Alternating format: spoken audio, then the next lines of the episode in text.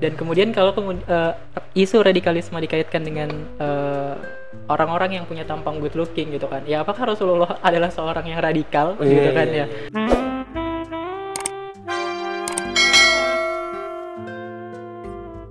Oke baik guys, assalamualaikum warahmatullahi wabarakatuh. Ya balik lagi di Dibilang Podcast ya, tetap di Dibilang Channel. Eh, hari ini masih bersama teman-teman dari apa sih kepanjangannya? Lembaga Dakwah Kampus ya. Lembaga Dakwah Kampus. Lembaga Dakwah Kampus. Nah kita masih ngobrol-ngobrol seputar kenapa sih mereka tuh mau masuk dakwah kampus? Apa sih dakwah kampus itu sebenarnya? Terus gimana sih eh, gejolak-gejolak yang terjadi di dakwah kampus itu? Nah ini yang lagi masih hangat diperbincangkan. Wede, apa tuh Ya gini ya, jadi eh, anak-anak dakwah kampus itu kan image-nya adalah anak-anak yang good looking. Wede. Penampilannya rapi, bersih, terus eh, apa namanya eh, pembawaannya tuh agak-agak misterius gitu, gitu kan. nah, terus kemarin ini sempat terjadi kontroversi, ada salah satu statement yang mengatakan bahwa kelompok-kelompok radikal itu munculnya dari anak-anak yang eh, good looking seperti kalian itu. Nah, itu gimana perasaan hati kalian? Iya, iya, iya, iya. Secara tidak langsung itu kan kalian merasa tertuduh jatuhnya ya, seperti itu. Itu gimana coba? Iya, ya kemarin sem- sempat dengar sih memang apa ada satu statement yang dikeluarkan oleh pejabat negara ya Mhm, terkait dengan eh, sebuah kata good looking nih. mhm. Jadi kata good looking ini di, bisa ditujukan oleh siapa pun yang eh, yang disampaikannya itu adalah orang-orang yang misalkan pandai bahasa Arab, kemudian pintar eh, menghafal penghafal Quran atau hafiz, yang bisa masuk adalah paham-paham radikal. Memang ada statement seperti itu yang dikeluarkan oleh salah satu pejabat negara. Ya tentunya kita sebagai aktivis dakwah kampus yang bergerak dalam dunia kampus yang notabene adalah agama Islam, kita merasa tersinggung juga. Tentunya tersinggung dan hati kita masya Allah hanya bisa mendoakan bapak tersebut semoga mendapatkan hidayah lah salah satunya. Amin, ya. Karena bagaimanapun eh, tidak bisa mengeluarkan satu statement seperti itu kalau tanpa ada eh, bukti yang nyata dan segala macam. Karena Iya, iya. saya kebetulan di Fakultas Hukum. Dalam Fakultas Hukum itu ada namanya asas praduga tak bersalah. Betul. Ya itu seseorang tidak bisa dinyatakan bersalah sampai ada putusan hakim yang telah tetap. Sehingga Mm-mm. ketika dikatakan good looking bisa dijadikan sebagai paham yang memasuki awal radikal itu tentunya eh, satu statement yang kontroversi dan tentunya sangat sulit bagi kami, tersinggung bagi kami para aktivis dakwah kampus yang bergerak dalam bidang keagamaan. Hmm. Kami yang di kampus selalunya mengajak kebaikan, betul-betul yuk kita ngaji, yuk kita sholat, kemudian adanya statement tersebut betul-betul sangat membuat eh, hati kami Insya Allah hanya bisa mendoakan bapak tersebut. Iya. tapi tapi nggak ada nggak ada nggak ada eh, maksudnya kalian dikatakan seperti itu kan coba kan dia kan juga mengatakan bahwa dia mengibaratkan ya kan bukan bukan menjudge juga tapi secara nggak langsung memang ya itu juga eh, jatuhnya kok bisa ada muncul statement seperti itu gitu kan Betul sekali. Mm. tapi apakah benar ada oknum-oknum yang seperti itu di organisasi kalian. Ya. Wow. Merinding. Merinding. Salah ngomong masuk penjara kita. Tapi kalau nggak kalau nggak kita luruskan Benar, ya benar. bisa juga. Betul sekali. betul betul.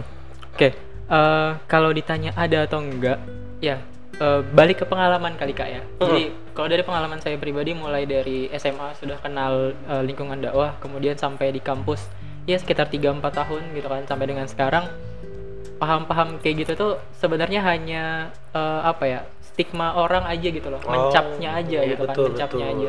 Karena sebenarnya kalau kita ngambil makna radikalnya aja gitu kan atau radikalismenya aja itu kan eh, nggak ada sangkut pautnya sama kegiatan-kegiatan di lembaga dakwah kampus misalkan. Karena orang-orang apa maksudnya eh, istilah radikal itu sendiri adalah eh, sebuah apa ya sebuah hal yang kemudian dia tuh mendasar gitu kan eh, dan mengakar gitu tuh itu radikal tuh kan kayak gitu dari kata Hmm. radix ya kan? radix akar Eh, dari akar. Nah, jadinya ya kalau misalkan mungkin gini ya, eh, apalagi ini di di Indonesia kan ketika ada sti- stigma-stigma kayak gitu, jangankan waktu radikal gitu kan, waktu eh, apa namanya ya macam-macam lah gitu kan, dan itu bisa dibecandain gitu. Hmm. Nah, jadi ya latah anak-anak- orang Indonesia itu iya, latah Iya.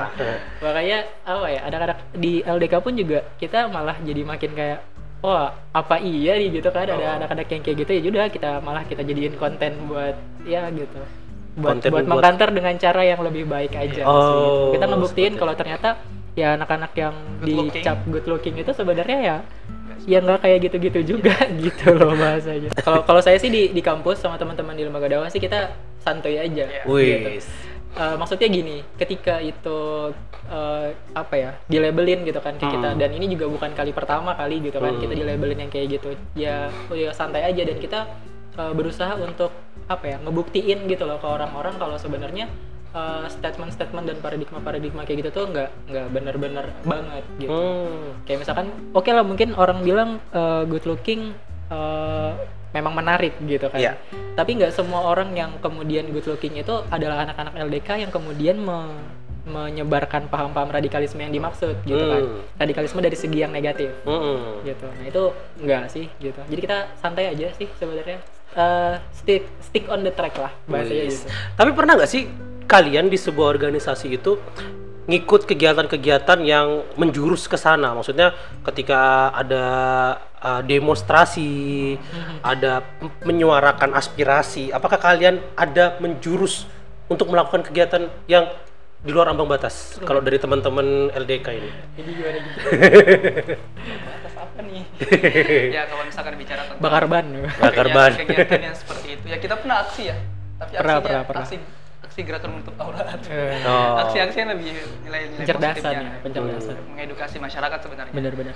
kemudian kalau misalkan ditanya pernah nggak ada hal-hal yang seperti itu menjurus ke sana ya kembali lagi pengalaman yang saya rasa 4 tahun berkecimpung di lembaga dakwah kampus tidak ada sama sekali memang eh, kegiatan-kegiatan yang memang kita diajak kerjasama nih kemudian Hmm. LDK turun tangan tidak ada sama sekali paham-paham ataupun eh, doktrinisasi di situ yang Oh. mengarahkan kita untuk ke sana ke Hmm, jadi betul. betul-betul eh, paham itu muncul kalau menurut saya kak paham itu muncul karena memang orang tidak tahu sebelumnya apa sih Betul, itu lembaga dakwah kampus dan kegiatannya lembaga dakwah kampus itu apa aja sih sebenarnya Hmm. sehingga orang itu mengambil kesimpulan sendiri mengambil benangnya sendiri Hmm. tanpa harus mengklarifikasi atau biasanya eh, tabayun Tabayun. Tabayun. Tabayun. Iya, Eh, mantap.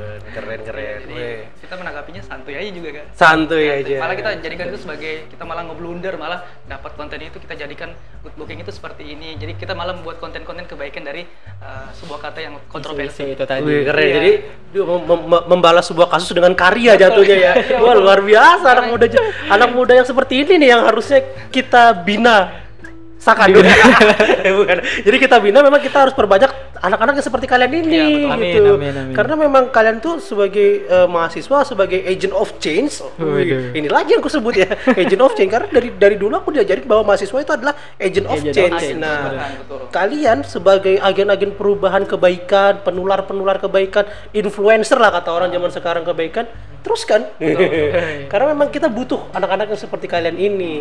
Tapi ngomong-ngomong eh, mendekati pilkada nih ya, eh, Wes. apakah ada LDK itu didekati oleh beberapa politik-politik gitu? Waduh. Ada gak sih? Pernah nggak sih kayak gitu? Apakah ada? Juga ada nih Ada ndak? Ayo. Nggak ada. Gak ada ya? eh berdasarkan pengalaman lagi ya sekali lagi Hmm. berdasarkan pengalaman nggak ada nggak eh, nggak sampai bahkan nggak sampai Hmm. untuk sampai ke ke situ gitu kan Eh, ya tadi kalau misalkan anak-anak LDK itu kalaupun memang misalkan kita pengen memperluas eh, apa namanya ranah dakwahnya Hmm. untuk memperluas relasinya ya paling mainnya sama anak-anak di komunitas gitu kan Hmm. kerjasama kerjasama seperti itu aja Oh gitu. kalau sampai untuk mensupport ke sana paling ke individu kali ya kalau secara Oh. kelembagaan nggak kayak oknum berarti ya. Iya. beber- Nggak nggak maksudnya nggak dalam cakupan bahwa anak LDK terkait dengan partai politik tertentu Oh, gitu iya, kan. nggak ada, Terkadang kan ada yang kayak gitu. Karena warnanya ini jadinya ngikutnya warna Ya, ini seperti Disebutkan itu. seperti itu padahal Hmm. sama sekali tidak kami Padahal kalian netral ya. netral, murni Hmm. untuk adalah uh, kebaikan-kebaikan tujuan kita hanya untuk di kampus sebenarnya Oke. jadi kalau ketika ada st- statement seperti itu menyatakan bahwa LDK dukung sana itu uh, betul-betul perlu diklarifikasi lagi kembali kepada LDK-nya betul atau enggak kita kembali ke personal masing-masing kalau memang ada berarti mungkin ke personalnya tapi untuk lembaganya sendiri kami tidak ada Ya, secara kelembagaan sih nggak ada. secara kelembagaan emang nggak ada ya. Wih keren keren teman-teman. Nah buat teman-teman, eh aku tuh jadi pengen kuliah lagi jatuhnya gitu ya. Karena jadi pengen memperbaiki akhlakku gitu. Setelah temu bertemu dengan teman-teman yang ya ibaratnya kalian ini adalah sebagai salah satu eh, anak-anak yang meneladani eh, kehidupan Rasul ya. Jadi kan Amin, sebagai amin. teladan, Rasul itu kan sebagai teladan. Terus Rasul itu dalam menyampaikan dakwah dia mau dihujat apa segala macam santuy aja Iya. seperti itu. Jadi kayaknya kalian ngalir aja. Iya betul. ngalir Keren, aja benar-benar Sedangkan kita bicara di sejarah bahwa Rasulullah ketika berdakwah Heeh. itu bukan cuma dicaci, dimaki, bahkan sampai ingin dibunuh. Ya. Tapi apakah Rasulullah membenci orang-orang yang tersebut? Hmm. Tidak, malah Rasulullah malah mencintai dan men- ingin segera untuk menarik mereka dalam eh, menyampaikan nilai-nilai Islam. Bahkan kita mengambil kesimpulan bahwa semangat dakwah Rasulullah apa? Semangat dakwah Rasulullah adalah semangat cintanya kepada umatnya. Hmm. Itulah yang kita gunakan sebagai aktivis dakwah kampus ketika kita ada mendapatkan hal-hal negatif. Kita jadikan sebuah itu muhasabah diri bagi kita dan kemudian kita menyampaikan kebaikan itu yang benar. Kalau memang benar kita sampaikan benar, kalaupun salah kita sampaikan salah. Wih, benar keren. Benar Fauji ada yang mau ditambahkan? ada ada dan eh, apa ya asiknya juga nih kalau misalkan kita ngomongin good looking gitu kan terus tadi juga eh, disinggung soal Rasulullah Shallallahu Alaihi Wasallam. Eh, iya Rasulullah nih kurang good looking apa Iya, gitu betul. kan dan kemudian kalau kemud- eh, isu radikalisme dikaitkan dengan eh, orang-orang yang punya tampang good looking gitu kan ya apakah Rasulullah adalah seorang yang radikal Iya, gitu iya, kan iya, ya iya. Eh, kalaupun memang Rasulullah adalah seorang yang radikal in eh, apa ya in konteks positively gitu kan ya udah ya gue radikal it's okay Hmm. gitu tapi kalau misalkan kemudian itu stigmanya adalah untuk maksudnya ke negatif silakan untuk klarifikasi dulu gitu Iya, kan iya, iya. Hmm, Rasulullah aja ya. kan kayak gitu iya benar keren keren keren. Wih, aku jadi merinding sendiri ya ngobrol ngom- ngomong kayak gini nih sebenarnya aduh gimana ya? Aku sebagai orang yang wis na naif apa ya? Naif lagi bahasanya. Sebagai orang yang penuh dosa gitu. Ngobrol dengan orang-orang yang eh, bahasanya kalem bahasanya santai itu jadi me- menebarkan aura positif juga buat kita yang eh, ngobrol sama kalian seperti amin, itu. amin, amin. karena ketika ke- jadi kalian tuh nampaknya kayak ngobrol tapi ada ilmunya seperti Wih. itu amin ya Allah iya Padahal sebenarnya ketika kita di, nih dicap nih sebagai aktivis dakwah kampus itu orang ngeliat kita soleh banget, masya Allah banget. Padahal sebenarnya enggak. Kita juga sedang berusaha untuk lebih taat kepada Allah. Hmm. Kita juga sedang berusaha untuk istiqomah di jalan Allah. Cuma mungkin eh, kami menguatkannya dengan cara yang berbeda. Kita saling menguatkan. Makanya teman-teman yang ingin bergabung silahkan bergabung. Kita sama-sama menguatkan di jalan dakwah, menguatkan istiqomah kita di jalan Allah seperti itu. Wih, Keren asik. keren oke deh buat teman-teman coba yang mau bergabung bisa menghubungi ke mana nih aduh ke mana nih kita Ki? kan beda beda Oh, beda beda kampus beda Oh, kampus iya, kan boleh, boleh, mungkin masing-masing dari kampusnya ada sosial medianya kah ada Ya. kontaknya kah atau Oh, gimana kalau Muslimah pasti sudah. iya dari siapa duluan Egi deh Oh iya, deh. iya. Dari Oh, Egi, Oke, ayo. teman-teman semua, kebetulan saya sudah selesai di lembaga dakwah kampus, sudah Ah. di kepengurusan selanjutnya menjalankan, tapi eh, saya tetap masih ingin rasanya untuk berkecimpung di dunia dakwah kampus karena memang rasanya itu nyaman banget. Saya mengibaratkan bahwa saya ini anak rantau. Ketika saya masuk di lin- lingkungan dakwah kampus, saya merasa lingkungan ini adalah keluarga kedua saya di situ. Wih keren Wih. keren Karena saya di Betul. apa betul-betul merasakan kehangatan eh, keluarga ukuahnya terasa banget di situ. mantap. Jadi sehingga teman-teman ketika memang ingin bukan ingin belajar lebih baik ataupun ingin mencari apa ilmu dan segala macam, insya Allah salah satunya adalah wadahnya adalah UKM Cinta Islam atau unit kegiatan mahasiswa Cinta Islam di Universitas Balikpapan. Hmm. Teman-teman bisa mencari informasinya melalui sosial medianya, bisa melalui dari Instagramnya yaitu UKM Cinta Islam. Kemudian di situ ada form pendaftarannya. Kalau memang ingin tidak ingin menjadi seorang apa pengurus, bisa mengikuti kegiatan-kegiatan kajian-kajian umumnya, Betul. kegiatan untuk belajar proses belajar Al-Qur'annya. Banyak banget untuk proses uh, perbaikan di UKM Cinta Islam. Sehingga saya rasa teman-teman yang akan bergabung tidak akan rugi. Insya Allah pasti mendapatkan manfaat yang lebih banyak. Amin. itu terbuka untuk umum kak ya? Terbuka untuk umum. Kalau misalnya untuk kajian-kajian dan kegiatan-kegiatan yang sifatnya umum. Tapi kalau untuk misalkan uh, untuk mahasiswa ya juga sifatnya umum. Siapa pun mahasiswa Uniba boleh untuk mendaftar boleh untuk datang. oh kalau dari kak Fauji yang dari Samarinda nih Oke, kalau di Samarinda, kalau untuk lembaga dakwah kampus ada namanya Pusdima Unmul ya Hmm. kalau di Samarinda. Karena kebetulan saya dari Unmul ya, Eh, jadi bisa cari aja di akun Instagram @pusdima. Kalau di YouTube ada namanya PDTV, PDTV ya Hmm. eh, dari Pusdima TV banyak redaksinya. banget itu followersnya sudah Wis keren. Bisa kayaknya bisa kolaborasi Iya. sama Pusdima nanti cari. dia keren keren. Eh banget. GM-nya ya nanti main-main ke sini. Iya benar. Iya. Iya iya. Eh, terus kalau untuk FSLDK ada namanya juga di Instagram FSLDK Kaltim Kaltara. Uh-huh. Terus eh, tadi sudah sempat di bridging juga kali kayak eh, apa namanya de- dekat-dekat ini bakalan ada konten yang juga launching di YouTube-nya FSLDK Kaltim Kaltara. Wih, gitu. Jadi keren. bisa cari-cari di situ dan kepoin lewat situ. Dan Oke. kalau pengen tahu seputar eh, lembaga dakwah kampus apa aja sebenarnya yang ada di Kaltim Kaltara, siapa tahu mungkin ada di kampusnya teman-teman juga gitu kan yang Mhm. lagi ngedengerin podcast ataupun juga YouTube ini eh, bisa lihat juga tuh di eh, Instagram FSLDK Kaltim Kaltara atau main ke websitenya FSLDK kaltimkaltara.org. Wih, Waduh. sudah ada websitenya, keren, keren, keren.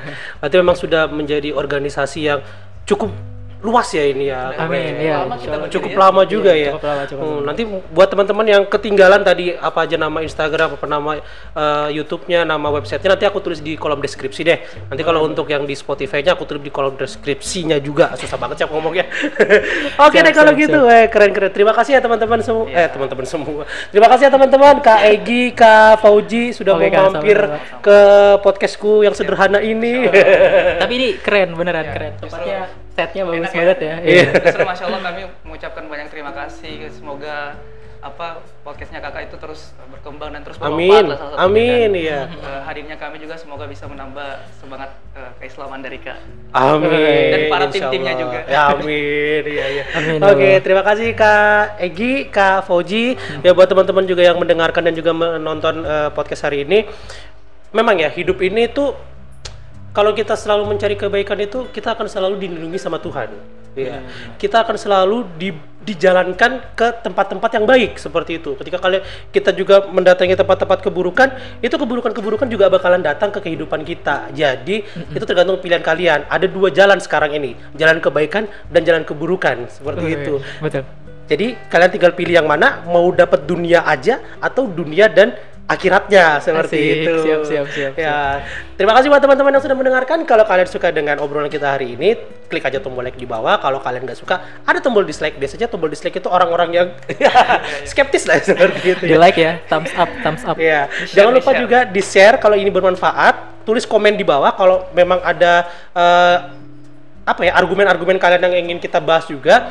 Kemudian juga jangan lupa di subscribe dan jangan lupa juga di follow di Spotify yang eh di, di Spotify podcastnya ya di dibilang podcast. Oke, terima kasih buat Kak Egi, Kak Fauji. Oke, Eh, sama-sama, sampai Kak. kita ketemu lagi di konten-konten berikutnya. Siapa tahu kita punya eh, ada konten-konten yang menarik lagi, kita bisa Boleh, kolaborasi bareng lagi. Boleh, boleh. Intinya kita selalu menebarkan kebaikan nih Siap. seperti Siap, itu ya. siap. Oke, terima kasih teman-teman. Akhirul kalam. Assalamualaikum warahmatullahi wabarakatuh. Bye bye. Assalamualaikum warahmatullahi wabarakatuh. Insya Allah. Alhamdulillah.